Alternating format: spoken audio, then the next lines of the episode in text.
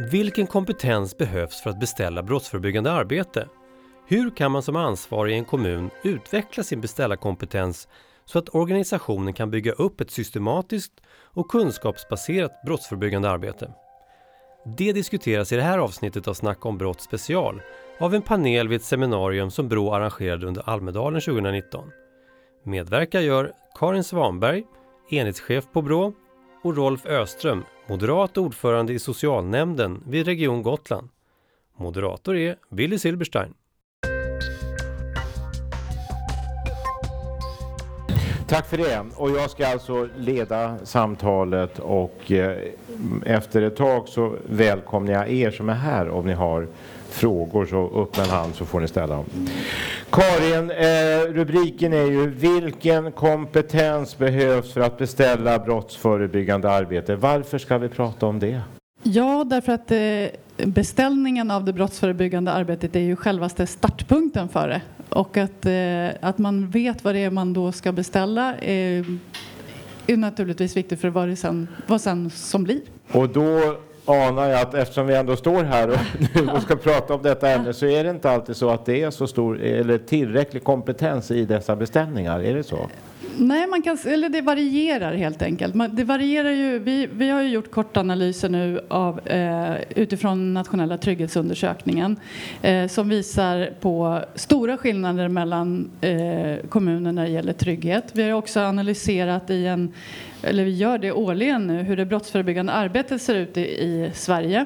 Och det varierar också stort och det har liksom inte riktigt med varandra sådär att göra utan det handlar om om man har ett intensivt eller kunskapsbaserat arbete, det som vi efterfrågar, att man ska ha ett kunskapsbaserat arbete eh, i kommunerna. Och då tänker vi att det, någonstans måste det ju handla om vad man beslutar om eh, ska hända i en kommun helt enkelt. Är det på, ligger det här beslutanderätten i slutändan på politiker? Ja, absolut. Nu är det en väldigt generell fråga, men tycker du att de flesta politiker som har dessa frågor kan tillräckligt? För det är ju svåra frågor. Ja, men samtidigt så ska väl inte politiker kanske kunna allting som de beslutar om heller. Utan, eh, de måste ju någonstans lita på sina tjänstemän. Att eh, man får de underlag som man behöver för att fatta beslut om det brottsförebyggande arbetet och alla andra frågor såklart. Eh, så att de, de, blir ju aldrig liksom sämre eller bättre än sina tjänstemän skulle jag säga. Alltså, ja. de, de, de, måste efterfråga ett gott underlag för att besluta om det brottsförebyggande och, arbetet. Och även det förutsätter ju en viss kunskap och veta vad man man, vad man Precis. ska efterfråga. Precis. Eh, och det, då tänker jag berätta om det. Ja, det var en, en fråga även om det inte var någon frågetecken efter. Du är här för att tala Karin. eh, jo, Ehm, det som vi säger eh, vi, vi, tar, vi på Brottsförebyggande rådet är inte något laboratorium som sitter och laborerar fram eh, brottsförebyggande metoder eh, som vi sen pumpar ut i kommunerna. Utan kommunerna måste, eh, och tillsammans med andra aktörer, skapa sitt eget brottsförebyggande arbete utifrån hur det ser ut där lokalt. Sen så kan vi bistå på en massa olika sätt i detta. Men det som måste hända lokalt är att man tar fram en bild av hur brottsligheten ser ut. Hur otryggheten och brottsligheten ser ut eh, i, i, den kommunen och på specifika platser eh, i, i samhället eh, som man då beslutar någonting över. Och det, som, och det har man ofta. Man har ofta en god generell bild över hur det ser ut. Och det kanske är den generella bilden som en vanlig invånare också har av hur det ser ut där man bor. Man kanske också har vissa kartläggningar om till exempel ungdomars drogvanor eller, eller en trygghetsmätning och så är det underlaget. Men vi menar att man måste ha en mer specifik bild av hur det ser ut än så. Och det ska alltså politikerna efterfråga. Eh, hur ser det ut? Var sker brotten? När? Hur? Var är människor otrygga? Vad kan man göra åt de sakerna och vad vet vi om det? Och det som oftast händer, även om man har en väldigt specifik eh, problembild eh, och liksom har kartlagt den, är att man sen hoppar från detta till åtgärden utan att göra en analys av orsakerna till varför det ser ut så som det ser ut eh, lokalt. Och I värsta fall så är det så att man har den här generella bilden och så hoppar man direkt till orsakerna, och då, eller till, till eh, åtgärderna. Och då kan det bli, ja, eh, ena politiska sidan säger kameror och den andra politiska sidan säger fritidsgårdar. Och så, eh, så fortsätter det så helt enkelt. Mm. Man hoppar rätt in i, i lösningen så att säga lite för snabbt. Men det här ställer ju ändå väldigt stora krav. Jag menar en kommunpolitiker har så många olika ärenden och bollar i mm. luften. Mm. Så det kanske inte är så konstigt men det måste rimligen vara så att ibland så är kunskapen för liten för att följa alla de här leden du pratar om. Ja, fast det är inte politikerna som ska göra alla de här leden. de ska efterfråga ja, att de görs. Och bara det förutsätter att man vet att man ska efterfråga det. Ja, det kanske inte ja, nej, nej, precis. precis. Och det, det, är lite grann därför vi står här idag och säger det här. Ja. Och hur, hur, eh, men vad är din bild? Tycker du ändå att de flesta kommunpolitiker har tillräckligt mycket kunskap för att efterfråga det som behövs och tänka strategiskt? Eller vad ser du? Nej, men vi ser ju som jag sa i den här genomgången av det brottsförebyggande arbetet att det varierar stort hur kunskapsbaserat arbetet är. Mm. Det är ju det som om man efterfrågar det här så blir arbetet kunskapsbaserat och det vi ser är att det är inte kunskapsbaserat. Det varierar stort eh, om det är det eller inte. Ja, och ibland blir det mer ideologi på båda sidor än eh, kunskap och rätt åtgärder. Ja, precis. Man, man, man, får väl ändå ha respekt för att det, det, ska ju vara, alltså det är politiskt styrda organisationer, mm. kommunerna, att det ska vara ideologi inblandat någonstans. Men i grunden måste man ha en, en kunskap, annars så, annars så blir det ju inte bra. Mm. Tror du att vi också, en del av de problem som finns ute i kommuner hade faktiskt kunnat var mindre eller kanske inte alls var där med ett bättre systematiskt arbete? Är det ett Absolut. samband? Absolut. Eh, jag, jag, tror att det har hänt många gånger att man har beslutat över, eh, om saker som, som liksom inte faktiskt ens har med problemet att göra. Och varför blir det så? Vi har varit inne på Nej, det. men jag tror att man kanske står i en valrörelse och säger att ja, men här, vi eh, har bestämt att det ska vara fritidsgårdar här nu. Eh, och sen så infriar man det och det, hade inte med, det hade inte med problemet att göra helt enkelt. Nej.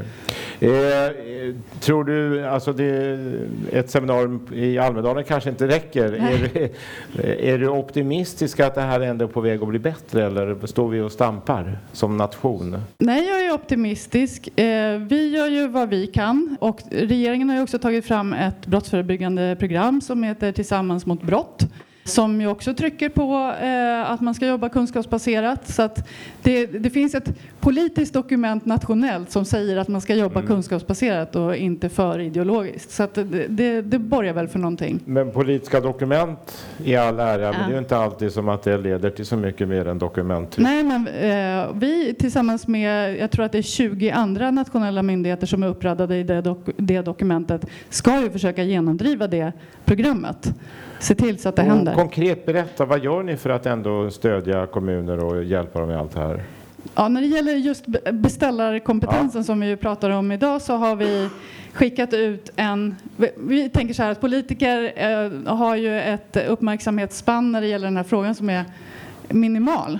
Eh, det, det är vår utgångspunkt. Ja. Att, alltså, vi, med all respekt för att det är så att man inte har tid att tänka jättemycket på det här så har vi sammanfattat mycket kärnfullt i en film på fyra minuter som vi har skickat ut till alla kommunstyrelser i hela Sverige. Vi hoppas att de tittar på den för att få igång arbetet, för att beställa det.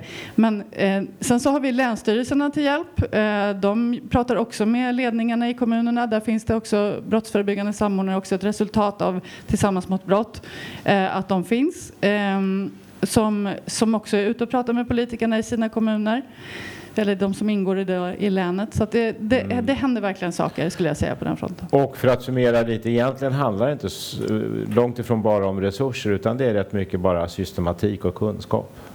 Ja, eh, jag, jag, tror, nej resurser tror jag inte, ja de måste ju naturligtvis tillsätta resurser, någon som kan göra det här. Man måste ju ha, rekrytera rätt och så. Men eh, att göra den här analysen grundligt från början och att det finns någon som kan göra det eh, borgar för att man sen mm. Eh, mm. Såklart är inte jobbet färdigt där. Man måste göra en massa saker bra och rätt sen också. Jo. Men, men det, det, är verkligen en väldigt bra grund. Ja. Stå kvar där Karin mm. och du får en applåd tror jag. Och jag hade rätt. Tack. Och då ber jag eh, också nu Rolf Öström som är ordförande för socialnämnden på Gotland. Rolf är moderat. Ja. Och Brå står ju självklart helt politiskt oberoende så att vi hade bjudit in en socialdemokrat. Och det är inte vi som har satt honom på båten så att han kommer lite sent utan det är andra förklaringar. Rolf, eh, det ställs mycket krav på eh, kommunpolitiker. Hur mycket kan du om de här frågorna som Karin pratade om? Handen på hjärtat. Ja, handen på hjärtat. Jag hörde att eh, som politiker så behöver jag inte kunna allt och det var, det var ju skönt bra start liksom. Ja. Och det är så här att jag är ju socialnämndens ordförande här på Gotland sedan årsskiftet. Jag har varit polis i lite drygt 40 år. Jag har varit brottsutredare och jobbat mycket nationellt på Rikskriminalen och Ekobrottsmyndigheten med den grova organiserade brottsligheten. Men de sista fem sex åren har jag jobbat lokalt här på Gotland. Så att jag kan väl båda sidorna, liksom det nationella och det lokala. Tycker du att du kan tillräckligt om de här frågorna? jag tycker att jag kan det. Jag har lärt mig det ja. Eh, genom åren. Men sen också den politiska biten har jag ju försökt att sätta mig in i nu sen, sen årsskiftet som sagt. Mm. och vad till, när du säger den politiska biten, vad, vad, vad, är det konkret? Ja, den politiska biten det är ju att förebygga brott. Brott ska inte ske och eh, vi ska leva i ett tryggt samhälle. Vi det är ingen politisk fråga, det tycker väl alla? Ja, det tycker alla, men, men det, ju, det, blir ju ändå en politisk fråga. På i, vilket i sätt sig. skiljer ni er åt här på Gotland menar du, ur denna aspekt? Eh, ja, jag kan säga så här att, att eh, jag har ju den bakgrund som jag har och eh, då tycker jag också att det är väldigt viktigt med det strategiska, eh, strategiska arbetet. Och nu har vi ju en fördel att vi är en region, vi är ett län, vi är en kommun på ett ställe liksom allihopa. Och eh, då har vi ju också det, eh, det finns det regionala ansvaret i kommunen så att säga. Och vi har ju en, en eh, samordnare och en strateg, Olof, han sitter där nere. Och och så på, den, på det sättet har vi resursen och det, jag ser ju det som min roll i socialnämnden som är den, eh, den nämnd som mest berörs av de här rent eh, vad ska vi säga, sociala problemen i det här. Sen finns det ju mycket annat i, i det brottsförebyggande men eh, man kan väl säga så här att eh, för, eh, fram till för ett och ett halvt år sedan var det i princip en kaffeklubb kan man säga i det här. Man, man sa att man hade ett arbete, man sa att man, man eh, träffades och eh, eh, utbytte erfarenheter. Men det kom liksom inte något riktigt av det. Och, eh, då, eh, så, att, så kan man väl säga. Men det var intressant. Vad hände med, vad hände med kaffeklubben? Ja, kaffeklubben. Och då, då eh, sa vi ju bara det från politiken. Det här med kaffeklubb får ju inte, det får ju inte fortsätta. Var det efter senaste valet då? Eller? Ja, nej, det var det väl inte. Utan det var väl, men det har ju hänt. Olof har ju tillsatts här efter senaste valet. Och, och eh, man har under våren här jobbat fram ett dokument gemensamt, polisen ja. och Region Gotland. Berätta, för du var ju med då, låter det som, när man insåg vi är för mycket en kaffeklubb och för lite det vi ska vara. Va, hur, va, hur, hur, kom det sig att det, denna insikt kom och att ni gjorde saker? Eh, man såg ju att det strategiska arbetet är precis som, som eh, Karin säger här från, från Brova, att det är jätteviktigt i det här, eh, i det här sammanhanget. Det är lätt att man som politiker, precis som du var inne på Karin, att man springer på på alla bollar så att säga. Framförallt att, eh, och vi har ju mycket media på, det här, på den här ön. Och så fort det, det larmas lite i media så är det jättelätt att man, att man då säger ja, men nu måste vi göra någonting åt det här. Nu ska vi göra det och det och det. Nu och, säger jag inte precis vilken åtgärd nej, men nej. Och det kanske är en eh, så dum fråga så jag inte går att svara på men jag skulle ändå om du kan på något sätt förklara när man existentiellt insåg vi, är, vi gör för lite. Vi dricker för mycket kaffe och gör för lite. Ja, Hur kom det sig att ni diskuterade på det sättet och kom fram till att vi måste vässa oss? Ja, det växte nog fram kan man säga. Att gång efter gång man träffas och det blir ingen verkstad liksom. Ja. Utan då kom man, då gick man samman, man eh, som sagt man eh, utverkar det här dokumentet. Det är ingen hyllvärmare kan jag säga. Det, det, är ju rätt många som dokument, precis som du var inne på här eh, från början, att det är rätt många dokument som, som blir, eh, ja, enbart dokument. Men vad, och hur har ni fått denna till en icke hyllvärmare utan något som används ofta och rätt? Man har analyserat vad, vad beror eh, brottsligheten på. Det är fyra olika skäl, eller fyra olika grunder. Psykisk ohälsa, droger, våld och utanförskap. Och sen så har vi en Eh, ja, en, en liten naivistisk bild här som visar det här. Och eh, de här, att de här sakerna går ihop och det är den största, största inverkan på brottslighet överhuvudtaget. Och eh, utifrån det så, så har, så har mm. vi satt igång det här arbetet. Ja, Karin? Jag vill bara nämna också att Brå var med och gjorde en stödinsats på Gotland. just, vi är ute i kommunerna och, och hjälper till helt enkelt. Vad gjorde ni då? Jo, vi, vi sa ungefär, fast lite längre, det som jag sa innan. Ja. Att man måste jobba strategiskt. Vi gjorde också en så kallad community readiness-mätning på Gotland om man var liksom mogen för de här uppgifterna eh, och vad som behövdes komma till. Och då sa vi just det att, att man måste fatta de här strategiska besluten först. Och ni kanske åker till massa kommuner eller var det något som gjorde? Nej, vi, vi har under tre år varit ute i sammanlagt 24 kommuner och jobbat med detta. Mm. Ja. Eh, och då undrar jag nu, nu Rolf, och du är ju före detta polis så det är kanske mycket lättare för dig men om du blickar ut bortom dig själv och mm. tittar på dina, din omgivning när det gäller att arbeta med de här frågorna. Se, alltså Karin pratar ju om att det är ganska stor spridning. En del är väldigt, kan väldigt mycket och, och anlitar tjänstemän på rätt sätt, andra gör det inte. Vad ser du? Eh, ja, det stämmer ju.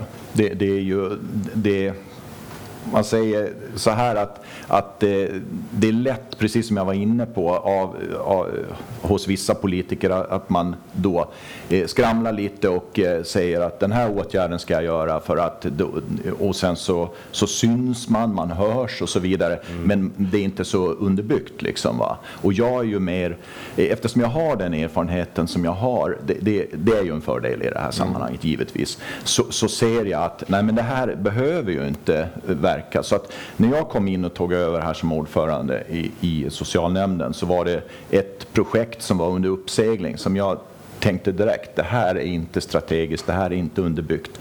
Och mycket av det här görs redan. Och det Vad var det för projekt?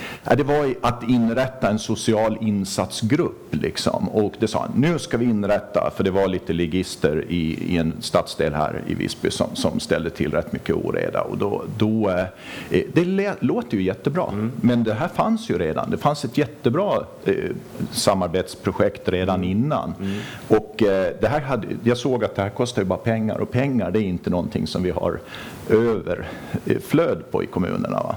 Så att det här såg vi till att det, det lades ner, det ärendet så att säga. Mm. Så det är ett av, det är väl ett exempel så att säga. Men tycker du att det här arbetet är svårt? Eh, och, och återigen, det kanske är bra att ta med dina kollegor eftersom du har eh, unik kunskap som få andra i din position har. Ja, men det här är inte lätt alltså. För det, det, är ju, eh, man, man det är ju lätt att säga så här, det här ska vi göra för det ger resultat om 30-40 år när de här eh, ungdomarna har växt upp och så vidare. Men hur vet vi det? Och det vet ju, eh, vi måste ju gå till evidens liksom i det här. Det är ju min uppfattning i, forskning. Ja, ja, forskning i det här så att säga. Va? Och eh, resultat av forskningen, det måste bygga på, eh, allt det här arbetet måste bygga eh, och många gånger har ju andra kommuner också testat en, en modell mm. som kanske inte funkar hos oss. Liksom. Ja. Det där måste man ju också vara lyhörd för så att säga. Karin, du sitter ju inte här och har egenintresse som Rolf har att måla upp en så bra bild av allt rätt de gör. Vad ser du som inte... Var lite, hjälp mig här då, var lite kritisk ja. mot eh, Gotland. Jag ska vara kritisk mot Gotland. Ja, nej, men jag, jag, förstår verkligen det här med att man med den kritiska ekonomiska situationen och så. Eh, men eh, som vi sa här på ett seminarium innan och då, eh, det kanske inte är socialnämndens ansvar, men om man jobbar med stadsplanering till exempel, om eh, man bygger ett resecentrum, gör det rätt från början så att ni inte mm. måste lägga pengar mm. på ordningsvakter där. Eh, det blir ju dyrare i längden så att säga. Och det, så här tänker man ju väldigt ofta när man investerar i tekniska produkter och, och teknologi, eller liksom hårda saker ja. i samhället. Att man investerar på lång sikt och så. Men man måste ju också börja tänka så lite mer när det gäller mm. eh, mänskliga beteenden och trygghet och sådana mm. lite... Eh, och, och, det uppfattar jag ju som att ni är på gång nu med att tänka. Att ja. ni liksom förstår att det är en investering på lång sikt att, att eh, tänka mer strategiskt i de här frågorna. Rolf, eh, har du sett, eh, eh, och det gäller väl tidigare med många projekt och eh, satsningar där man inte har tänkt rätt från början. Är det gott? Alltså, du var ju på väg, det var ju på väg att komma något som du säger mm, blir mycket mm. bättre när ni ändrade. Men är det vanligt? Ser du mycket sånt? Nej, men jag, eh, jag tror inte det. När, när, folk får arbeta i myndigheter och, och, förvaltningar i lugn och ro, då tror jag att då, då eh, eh, att man ger tiden för att bygga en bra grund, då tror jag inte att, att, det, eh, att, att det blir såna här. Men, men just det, det är ju det är ju mycket det, det du sa Karin, att, att eh, det är lätt att, att komma med enkla lösningar. Alltså mm. det, det, det, det ser jag som ett problem mm. och det är ju, det är ju därför vi har den här enheten nu på, på regionen. Du, hur ser det ut? Är det ideologiska? Kommer du som moderat ofta till en annan slutsats efter en analys än en socialdemokrat eller vänsterpartist i de här frågorna? Nej, inte tror jag när det gäller brottsförebyggande arbete. Jag tror att, eh, men, men jag tror att eh, sen är det ju så där i politiken, det är ju andra, kommer någon med ett bra förslag så ska ju någon annan säga att det är ett dåligt förslag såklart. Va? Det händer att du, händer du att du, händer att du du är sån. Det måste finnas en lockelse, du ska ju vinna val också. Ja, visst är det det. Att, eh, man, måste, man måste ju försöka, men nu har jag fyra år på mig att sätta, eh, sätta ett sån, en sån här verksamhet i, eh, i sjön så att säga och tillsammans med eh, tjänstemännen och eh, alla andra förvaltningar. Men även om ni alla har gått uppsåt så har ni ändå olika ideologier, du och en socialdemokrat. Händer det ofta att du, nu är jag fördomsfull möjligen då, att du tänker mm. mer kameraövervakning och Socialdemokraterna mer fritidsgård. Väldigt schabloniserat, mm. men ändå. Ja, det, det, kan väl vara så att eh, att man tänker mer mjukt menar du på den, ja, på den socialdemokratiska man nu vill ha, jag vet inte. Mm.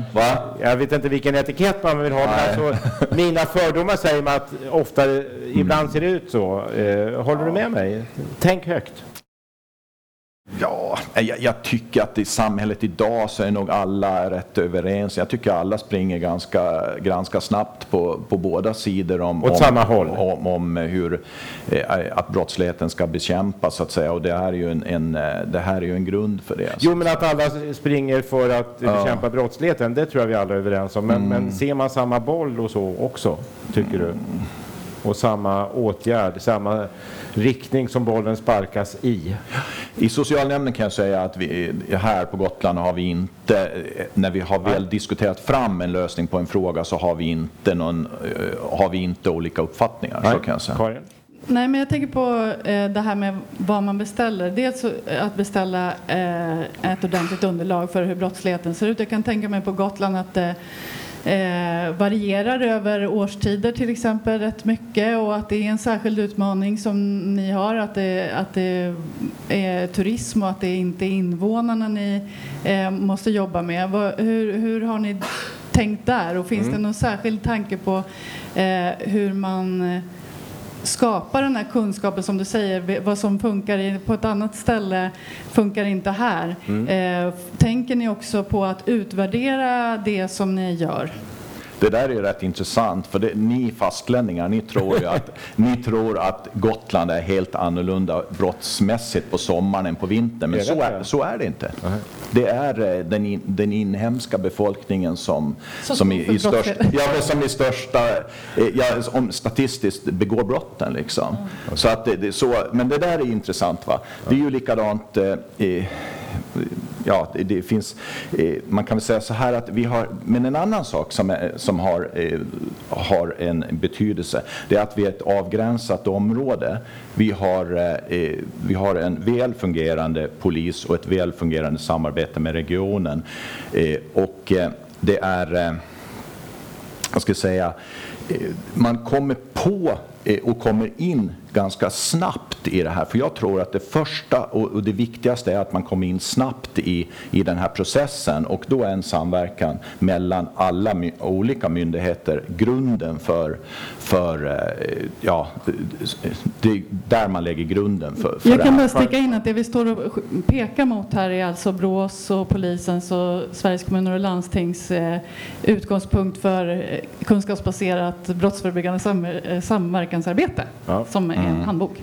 jag måste, alltså det är ju inte riktigt ämnet för dagen. Jag blev lite nyfiken. Jag trodde Stockholm var andra Stockholmsveckan.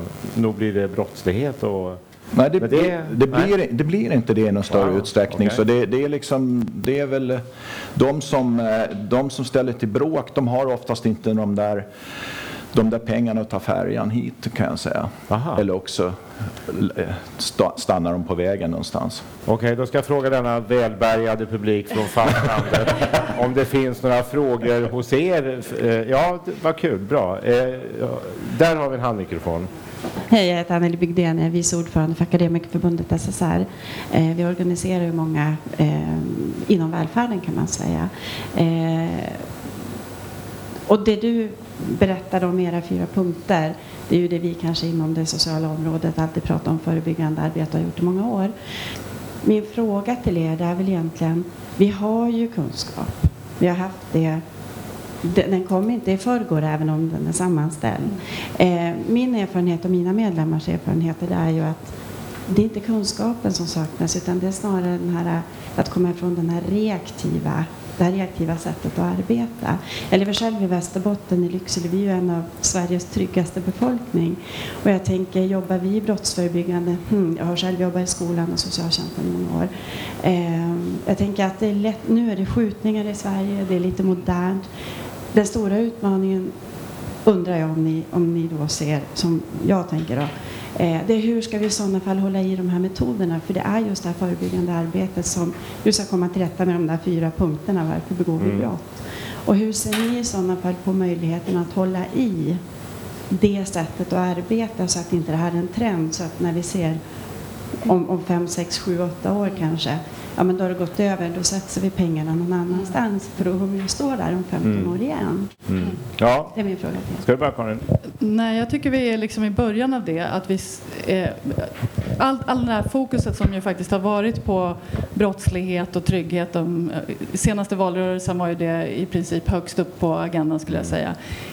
I kölvattnet av det skulle jag säga att det brottsförebyggande arbetet också också fick mycket fokus på sig. Och ur den aspekten skulle jag säga att det finns en risk att det, eh, att liksom det, det falnar i intresset runt det. Eh, men jag tror också att det här enträgna, kanske lite tråkiga, byråkratiska arbetet som vi och Länsstyrelsen och alla andra myndigheter jobbar med också eh, dels får lite energi av det här intresset som är nu. Men att vi rullar på det. Vi, eh, och jag har ju hållit på med det här i 25 år snart så att eh, jag känner liksom att vi har en, en ordentlig styrfart nu och att det borde kunna gå. Men jag, alla till, jag vet ju att ni och polisen, gör ju, eller Polisförbundet är eller, eh, också trycker på från era. Alla måste trycka på i de här frågorna att, att, det, att det är viktigt med det förebyggande arbetet eh, och att det måste ges resurser. Vi har ju också eh, i vår årsrapport om, om det brottsförebyggande arbetet sagt att det kanske är så att det behöver lagstiftas om att att, att kommunerna måste jobba brottsförebyggande. För det finns faktiskt ingen direkt lagstiftning idag som säger att det är, att det är tvingande eh, att jobba så. Och det är möjligtvis att det skulle kunna hjälpa upp eh, att hålla i det lite mer långsiktigt. Rolf? Ja, nej, men eh, jag kan säga så här att eh, i det lokala perspektivet så eh, har vi ju det här dokumentet som sagt och eh, då, eh, vi jobbar ju med de här sakerna och mycket är ju grunden för brottsligheten ligger ju i det här utanförskap och så vidare. Va? Eh, och eh, då eh, är det viktigt att man inte jobbar brett med alla frågor, springer på alla bollar. Liksom, va? Utan här är det två konkreta fall eller ärenden i nuläget som man jobbar med. Man jobbar med eh, Östercentrum som vi säger. Det, det är liksom där eh, droghandel, eh, stök, eh, misshandel i korvkö på McDonalds och så vidare.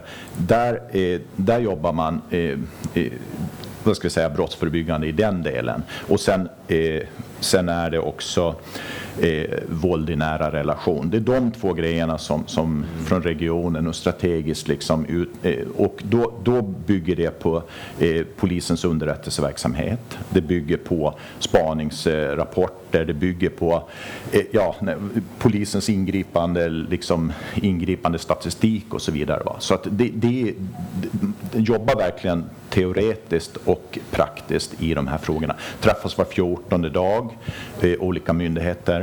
Också det kommunala bostadsföretaget är inkopplat. Där finns det jättemycket som man, det, det är ju allmännyttan oftast eh, som, eh, där finns ju en, en trygghetsansvarig som man har kontakt med. Men finns det en risk lite som frågeställaren eh, antyder, uppfattar jag, att det här förebyggande, det ger inte lika mycket rubriker och det är inte lika konkret och tydligt att det är en risk att det blir lite lidande? Ja, nej, men visst kan det vara så, för ja. det är ju inte lika häftigt nej. om man säger nej. så. Va? Utan det, det, är ju när eh, polisen rycker ut med blåljus, liksom, det, det är ju mycket, mycket häftigare såklart. Ja. Det, men dit ska vi ju inte komma så att säga. Ja. Karin, vad säger du om det? Nej, det, jag tror också att det finns, det finns en risk och ja. det, det, det, är därför vi har nämnt detta med ja. att lagstiftningen kanske skulle kunna hålla det så att man man, man kan utkräva ett ansvar i varje fall, att man har någon typ av eh, uppbyggnad för, mm. runt det förebyggande arbetet. Ja. Vi hade där, varsågod. Tack. Knut Sundell från SBU. Eh, ett effektivt brottsförebyggande arbete, självklart Karin, måste ju ha någon form av inventering. Var, var sker brotten? Var finns riskfaktorerna samlade som man bör försöka angripa och så vidare. Men för att det ska bli effektivt så behövs ju också effektiva interventioner, insatser, behandlingar, metoder. Och, så frågan är liksom hur, hur ser vi på att eh, kommunal tjänsteman ska kunna, eller politiker då ska kunna hitta den där evidensen och värdera den. För det är ju inte så att antingen är en metod evidensbaserad eller inte utan det är alltid gradskillnader. Det är gråzoner vi liksom arbetar med. Och tyvärr är ju det allra, allra mesta som finns som är brottsförebyggande det är ju inte utvärderat på ett sådant sätt att vi kan bedöma vilka effekter det har. Och därför blir den tredje delen, förutom då att kunna inventera problemen och att kunna hitta insatser som rimligen har bättre evidens, så måste man också följa upp sin verksamhet på ett sådant sätt att man faktiskt kan dra någon lärdom av de metoder man använt. Och det förutsätter ju också någon form av strategi så att man kanske inte bara eh, ska säga, implementerar den här brottsförebyggande metoden i hela, på hela Gotland. Utan kanske man kunde göra ett litet fältexperiment där man ja. implementerar på ett ställe men inte på ett annat. Tack, vad säger ni om det? Ja, nej, men den här, eh, den här uppföljningen är ju jätteviktig. Statistik på vad som, som sker så att säga. Är det, är det, och sen också, det där var ju, ja, det, jag har inte tänkt riktigt inför det här seminariet på just den frågan, men det är också kanske viktigt att man tittar, finns det andra ställen som kan vara, som kan vara lika intressanta ur brottsförebyggande? Jag tycker att ni tillräckligt systematiskt och bra mm. följer upp, gör utvärderingar. Jag försöker göra det för att det, är att ställa krav på, ger det här resultat? För att det, jag var inne på det, det är mycket som, det, det, dels är det ju, eh, dels är det ju liksom att, att tryggheten, men sen är det ju också i, i all kommunal verksamhet så är det ju, så är det ju ekonomin givetvis mm. i det här. Så att vi ska ju inte hålla på, det kostar bara pengar att hålla på med saker som inte ger men något. Men ni utvärderar, du tycker ni gör det? Ja, jag tycker vi gör det och vi kan bli bättre. Det, det är givetvis, vi kan bli bättre. Tack Karin. Det precis den process som beskrivs i den här boken. Eh, så du tar upp flera av de aspekter som, som ingår i den. Eh, den borde egentligen heta Processen men den, den boktiteln var liksom redan upptagen så vi kunde inte eh, ta den. Så den heter Samverkan i brottsförebyggande arbete. Som jag sa också tror jag tidigare att Brå är inte ett laboratorium som skapar metoder för eh, brottsförebyggande arbete utan det måste ske i samverkan med de som gör det. Precis som du säger att om man gör någonting lokalt kanske tänka på hur det ska utvärderas och då kan man söka medel från Brå för att utvärdera dem. Mm. Så det är vårt sätt att stärka ja. Ja. Eh, att, att det blir mer och mer evidens från den väldigt låga nivå precis som du säger som är eh, eh just nu att det finns inte mycket kunskap om vad som är effektivt eh, ännu. Så vi måste bygga det från Ja. grunden liksom, tillsammans. Och det, eh, det måste ju vara en växelverkan mellan eh, de som jobbar brottsförebyggande och de myndigheter, till exempel SBU eller BRÅ eller Folkhälsomyndigheten eller Boverket eller vilka det nu är som har med den typen av interventioner att göra. Tack, vi får ytterligare en fråga, varsågod. Ja, jag tänkte ta två frågor för att vädra min okunskap här lite. Eh, eh, det här med fritidsgårdar har ni varit inne på. Det finns, finns det någon evidens för att, det har, att man öppnar en fritidsgård och att det har en brottsförebyggande verkan? För att jag, jag ser snarast uppvuxen i Farsta på 70-talet så hade det precis tvärtom Ja. faktiskt. Ja. Ja, tack. Funkar det? Ska, jag- ska jag svara på det? Ja. Det beror på vad du vill att det ska funka mot. Brottslighet? Eh, eh, jag, in, jag skulle inte säga att det funkar mot brottslighet generellt. Om, eh, Eh, att ha en strukturerad fritidsverksamhet är en eh, välkänd eh, eh, skyddsfaktor mot kriminalitet. Det som har varit problemet på fritidsgårdar, eller var det kanske i Farsta i varje fall på 70-talet, var att det inte var så strukturerat. Jag tror att man nu, jag är inte jätteinsatt hur man jobbar på fritidsgårdar just nu, men jag tror att det är mer strukturerat nu och därmed skulle det kunna vara en skyddsfaktor mot att utveckla kriminalitet. Men inte som en generell insats, eh, bara för att man... Eh, och, och, och framförallt om man tänker att ja, de ska ha någonstans att vara. Ja, vi har ju ingen lokal som den där gamla Lorry-sketchen. Eh, eh, att det liksom ska hjälpa upp all, all ung, så kallad ungdomskriminalitet som ju också är ett väldigt svävande och icke-specifikt begrepp. Ja, vad säger före vill detta sätta- polisen Rolf? Ja, ja, men jag kan väl sätta, eh, säga, hålla med här att det, det finns väl ingen, ingen forskning på det här. Va? Utan eh, det, det är ju mer, det är ju typiskt en politisk, Ja. vi ska ha ungdomsgårdar. Ja. Ja, det, det, så kan det mycket väl vara. Alltså, utan, De men- kan må men- bra av andra anledningar. Ja. Eh, Det beror ju på också. Det kan ju vara motsatt effekt. Eh, Farstafallet, eh, ja, Fittja kanske idag har vi sett. Det, det finns ju många dåliga exempel men det finns ju jättemånga bra exempel också. Du hade en fråga till. Jag hade En fråga till. Eh, om man nu ska komma, för, brottsförebygga verkligen så, så ser man ju eh, ganska tidigt när barn börjar avvika från skolan, det vill säga att de inte närvarar inte med lektioner. Och är det inte där man redan ska börja fånga upp dem? Och finns det då någon samverkan då mellan det brottsförebyggande arbetet och skolan? Ja. Jag kan svara på, här på Gotland har vi nu infört en, en eh, vad ska vi säga, light-modell av BUP kan man kalla det för. Va? Att man fångar upp eh, barn mellan 7 och eh, 17 år liksom, i väldigt, väldigt snabbt som heter första linjen. Och det, det är ju någon sorts, liksom, ja, att man, man tittar på på personen, barnet redan från början och försöker styra upp och det, det är någonting som vi har, har, har gjort från årsskiftet här. Så att, eh, det, det är en, en bit. Mm. Karin?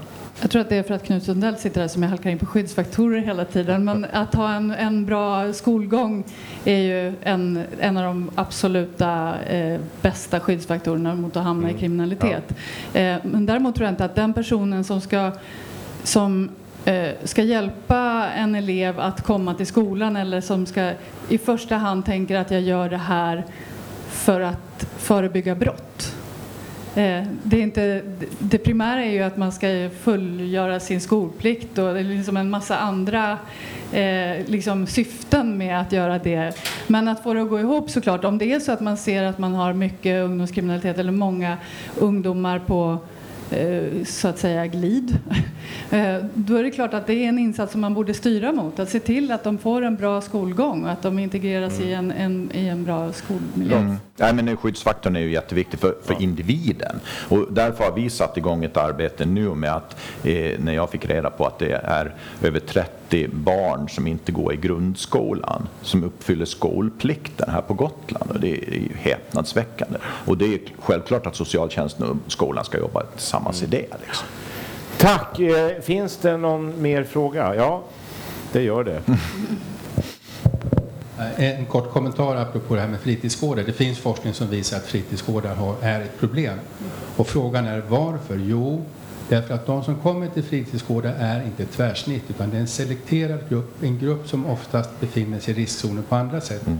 Och vad man då riskerar att göra om man inte har en väldigt tydlig struktur det är ju att man skapar antisociala gäng mm. som lär av varandra. Mm. Okej. Okay. Sant. Tack. Hörrni, eh, vi ska sluta inom kort men jag tänkte bara en mening var. Det här vill jag att det här gänget har med sig och tänker på hela dagen. En mening. Karin. Brottsförebyggande trygghetsskapande arbete ska vara kunskapsbaserat och ske i samverkan. Titta, titta, på den här filmen som Brå har om hur man initierar, genomför och följer upp liksom, eh, brottsförebyggande arbete. Okej. Okay. Med det sagt, stort tack till er som kom. Tack till panelen.